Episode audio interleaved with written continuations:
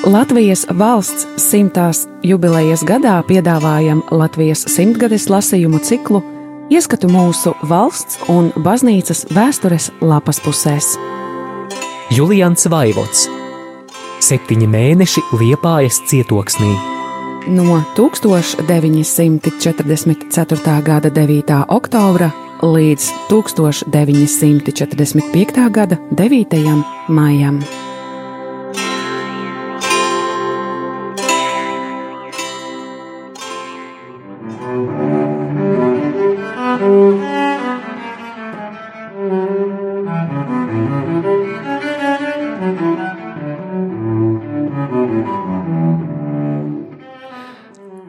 1945. gada 12. janvārī. Katram cilvēkam ir savas vājības, un, lai tās pārvarētu, vajadzīgi impulsi vēl stiprāki par vājībām. Jau no bērna dienām lielu vērību piegriezu savām drēbēm, un arī šķiršanās no tām man bija visgrūtākā. Varu bez vilcināšanās iedot otram lielāku naudas summu, ja tikai tāda ir pie rokas. Citādi ir ar drēbēm. Šodien tomēr bija izņēmums. Atnāca kāds bēglis pēc padoma, nevarot izšķirties atstāt dzimteni. Jo vairāk tāpēc, ka ģimene palikusi laikam aiz frontes. Šis cilvēks bija tik trūcīgi apģērbts, kādu es starp vietējiem cilvēkiem reti kad esmu redzējis. Daudz ko viņš ir pārdzīvojis, iekam šajā stāvoklī nonācis. Viņa izskats atstāja uz mani tādu iespaidu, ka bez mazākās vilcināšanās atdevu viņam vienu savu uzvalku - žaketi, vesti un bikses, virskreklu un divas apakšbikses. Vēlāk gan manas vājības vēlniņš slepeni nevienu reizi vien mēģināja mani izsaukt it kā žēlabas pēc atdotajām drēbēm, modinādams šaubas, vai tiešām tā vajadzēja darīt, un vai tik liela vajadzība tam cilvēkam bija. Bet katru reizi vēlniņam teicu: Šoreiz gan tu mani nepiekrāpsi, jo vajadzība pēc tām drēbēm minētajam cilvēkam katrā ziņā bija lielāka nekā man. Lai Dievs tikai atļauj man veselībā novalkāt drēbes, kuras vēl palika bet tam cilvēkam Vācijā neviens tik drīz drēbes gabalu neiedos.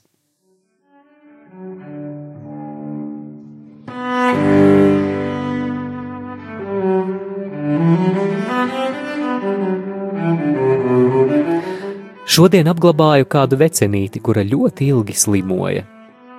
Aizvakar es pie viņas biju ar svētajiem sakramentiem, un slimā vēl neizskatījās tik vāja. Tomēr stundu vēlāk jau bija mirusi. Arī te nelaime. Piederīgajiem pietrūcis naudas zārkam, jo tas tagad vispār nav viegli dabūjams. Tāpēc vajadzēja iedot 200 marku pabalsta. Bet tas jau tagad sīkums, kad kabatas baterija maksā 35 markas. Thank you.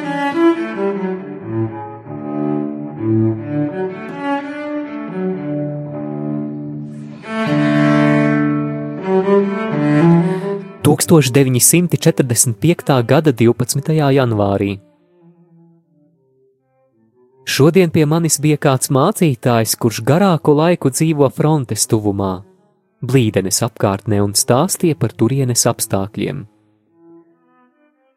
Vietējo iedzīvotāju stāvoklis esot tiešām grūts, jo ilgāku laiku jau tur uzturoties daudz karaspēka. Grūti ar telpām, ar uzturu, un sevišķi ar lobbarību, bet visgrūtākais - bēgļu stāvoklis. Viņi tiekot lielākā skaitā sablīvēti vienā vietā un tiem atņemot lopus, labību, bieži arī citas mantas. Daži esot palikuši tikai ar to, kas mugurā. Kāda sieviete laikam dabūjusi nervu sabrukumu un tādā brīdī izbērusi uz lauka miltus un citus produktus, aplējusi ar petroleju un aizdedzinājusi, teikdama, lai nu tagad ņemot viņas mantu un lietojot, ja varot. Te liekas krustojas divas tendences. Zemnieki par katru cenu grib noturēties savā zemē tik ilgi, cik iespējams, jo jau pagāja drudzis braukšanai uz Vāciju, kad ostmalā cilvēki krita ceļos matrožu priekšā, lūgdamies, lai ļauj sēsties kuģos. No vāciešu puses atkal jūtama stipra tendence - pēc iespējas vairāk cilvēku dabūt projām uz Vāciju. Un šī slikti slēptā vāciešu tieksme panāk tieši pretējo. Cilvēki domā, ka vāciešiem pret viņiem ir kādi ļauni nolūki. Abas puses šī gadījumā ir zaudētājas, un starp vāciešiem un latviešiem aug antagonisms. Šodien gribēju kādu vecu sievieti ievietot invalīdu namā, bet pagaidām tas nav iespējams. Lai gan sociālās daļas atļauja ir, jo minētā namā parādījies tīvs. Policists stāv pie durvīm kā eņģelis pie paradīzes vārtiem un nevienu nelaiž ne ārā, ne iekšā. Slimnīcā četras kopējas arī esot saslimušas ar tīfu, un viena jau mirusi. Cik šiem nostāstiem var ticēt, nezinu. Pārdodu kā pirku, un arī tikai papīram, bet ne dzīviem cilvēkiem, jo tie tūlīt grib dzirdēt to laist tālāk tirgū, un tas jau tikai sēja paniku.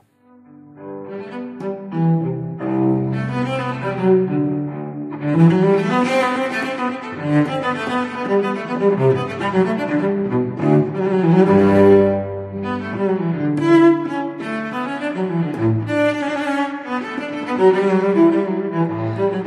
945. gada 13. janvārī. Gribot, negribot, esmu palicis par pastu, vidutāju jo tauta izkaisīta pa visu Vāciju un ģimenes sadalītas tā, ka viens loceklis nevar sadzīt otru.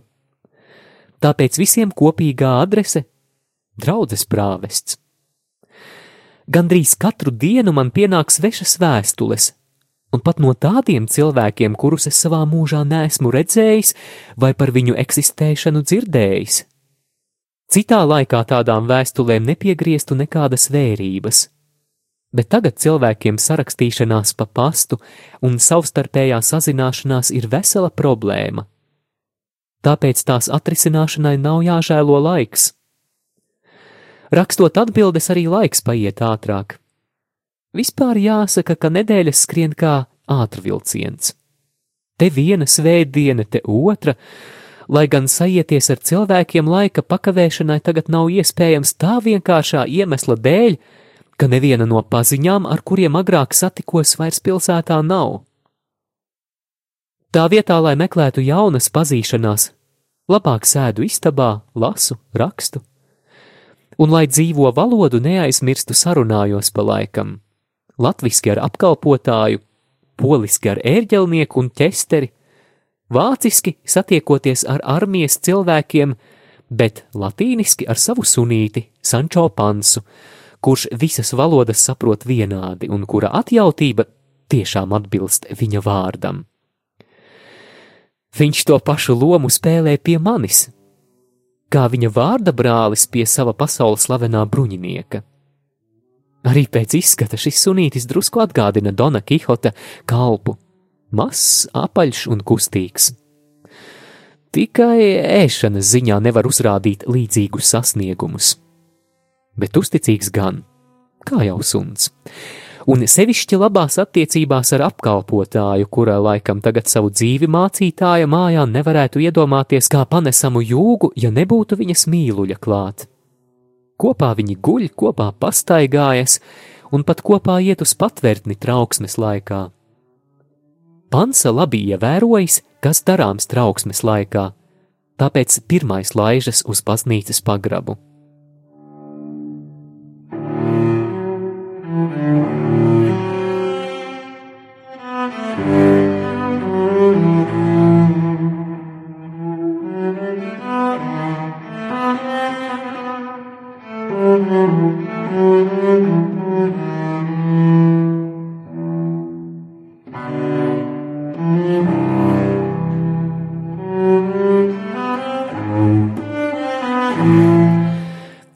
1945. gada 14. janvārī. Šodien jau no agra rīta debesis bija noskaidrojušās, un pēc vakarējās, kaut arī veltīgās trauksmes, visi cilvēki nervozi noskaņoti. Uz votīvu dievlūdzēju bija daudz, bet uz summu it kā vilcinājās ar nākšanu.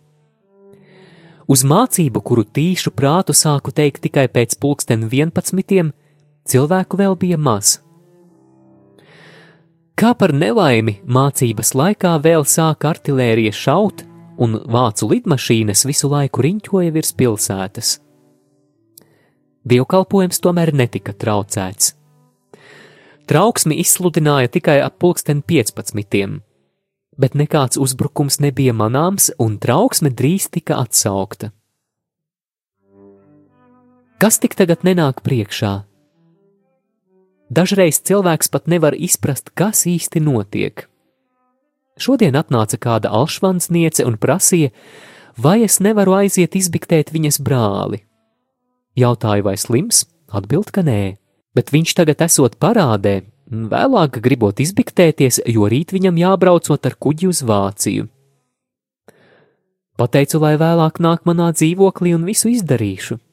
Vakarā atnāk viena devotka un atkārto to pašu lūgumu. Tagad tikai izdabūju patiesību. Izrādās, ka lieta grozās ap kādu dezertieri, kurš kopā ar sev līdzīgiem tiek turēts apsardzībā avotu ielā kādā namā, kas atrodas pretī namam, kurā dzīvo šī devotka. Apcietinātais cerot uz brīdi izzakties no sava cietuma uz devotkas dzīvokli, un šo brīdi viņš gribot izlietot, lai izbiktētos un pieņemtu svēto komuniju. Varbūt arī vēl citi tādi gribētāji būšot. Saprotams, ka tādos apstākļos esošam cilvēkam jāpalīdz, lai gan šis pasākums varbūt nesaskan ar sargu domām. Tāpēc norunājām, ka es aiziešu rītā pulksten septiņos un visu izdarīšu, ja tikai lūdzējs varēs uz minēto dzīvokli atnākt. Nezinu, kas tam par iemeslu, ka daudzi alšvandznieki, kā savā laikā man atstāstīja alšvangas prāvests, ir izvairījušies no iesaukšanas Tagad viņiem jānes bargā likuma sekas. Daļai tur vajag būt muļķības un daļai spītības. Neviens viens šim līdzīgs šodien nožēlo savu rīcību un cenšas to labot.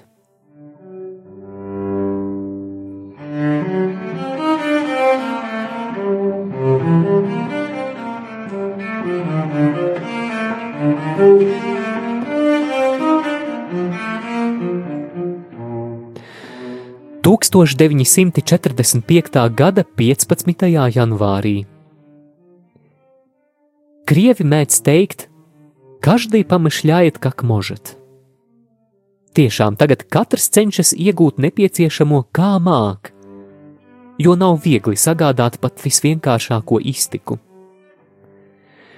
Šorīt kāds virsnieks ar apskaužamu Monte Cristo rokā staigā apkārt baznīcas kvartālam un šauj paložus ierocis tik precīzs un šāvējs tik veikls, ka netaisa nevienu pūdeli. Pēc katra šāviena viņa zaldātiņš rikšus metas pie krītoša putna un to steidzīgi ievieto somā. Tiem abiem putna gaļas pietiks vairākām dienām. Dažas sievas gan uztraucas sevišķi pareizticīgās, jo tās baložus uzskata savā ziņā par svētiem Viena dāma redzēja, pat mēģināja kaut ko virsniekam aizrādīt, bet tas pagājis dažus soļus tālāk, tūlīt nolaida no spaņģinsku nama jumta atkal vienu balodi. Tagadējos laikos, kad cilvēki ir tas viskārojamākais medījums, smieklīgi būtu nodarboties ar filantropiju attiecībā uz putniem vai dzīvniekiem. Kas prot, lai sargā savu ādu, tā šķiet katram runā šie laiki bet muļķis maksā visdārgāko cenu - dzīvību, kā to darīja arī minētie baloži.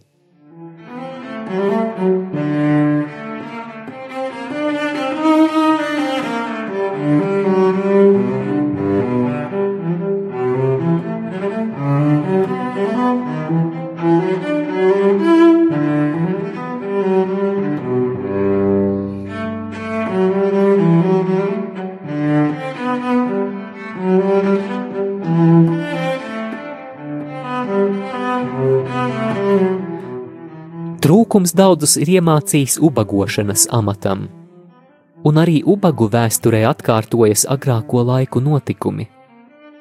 Kādreiz Pēterpilī vislielākās inflācijas un dārdzības laikos, 1918. gadā, stāstīja anekdoti, ka ubaks uz ielas atteicies ņemt kapeikas, jo sakarā ar dārdzību no vakardienas esot paaugstinājis taksi. Gandrīz to pašu pirms dažām dienām piedzīvoja pats. Frizētavā gaidīju savu rindu, pa to laiku ienāk kāda noplīsusi vecene un lūdz maizi vai naudu. Katrs kaut ko deva, un vecenītes nožēlojamais izskats arī mani pamudināja iedot viņai 40 markas. Citi to redzēdami iesaucās: Nu, tagad tu būsi bagāta, dabūjusi tik daudz naudas! Bet vecenīte atbildēja: Kas tā par bagātību, ja uz tirgus lielāks kukulītis maizes maksā 40 markas, un man maize jāpērk par spekulatīvo cenu, jo kartīti nedod? Gandrīz nokaunējos par to, ka dodams 40 markas, biju iedomājies, ka dodu daudz. Cik cilvēkiem tad tubaks parasti prasa, līdz salasa maizes kukulim? Tātad arī ubagu uztura standarts ir kritis. Bet kā lai laiku ubaks tiek pie šņabja pudeles, ja tā maksā 250 markas, un varbūt pat vairāk, ja to ekstrā ātri grib dabūt?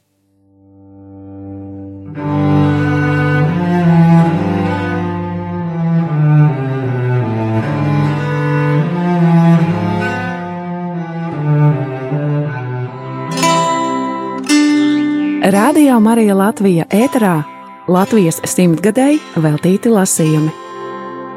Julians Vaivots Septiņi mēneši Liepājas cietoksnī No 1944. gada 9. oktobra līdz 1945. gada 9. maijam.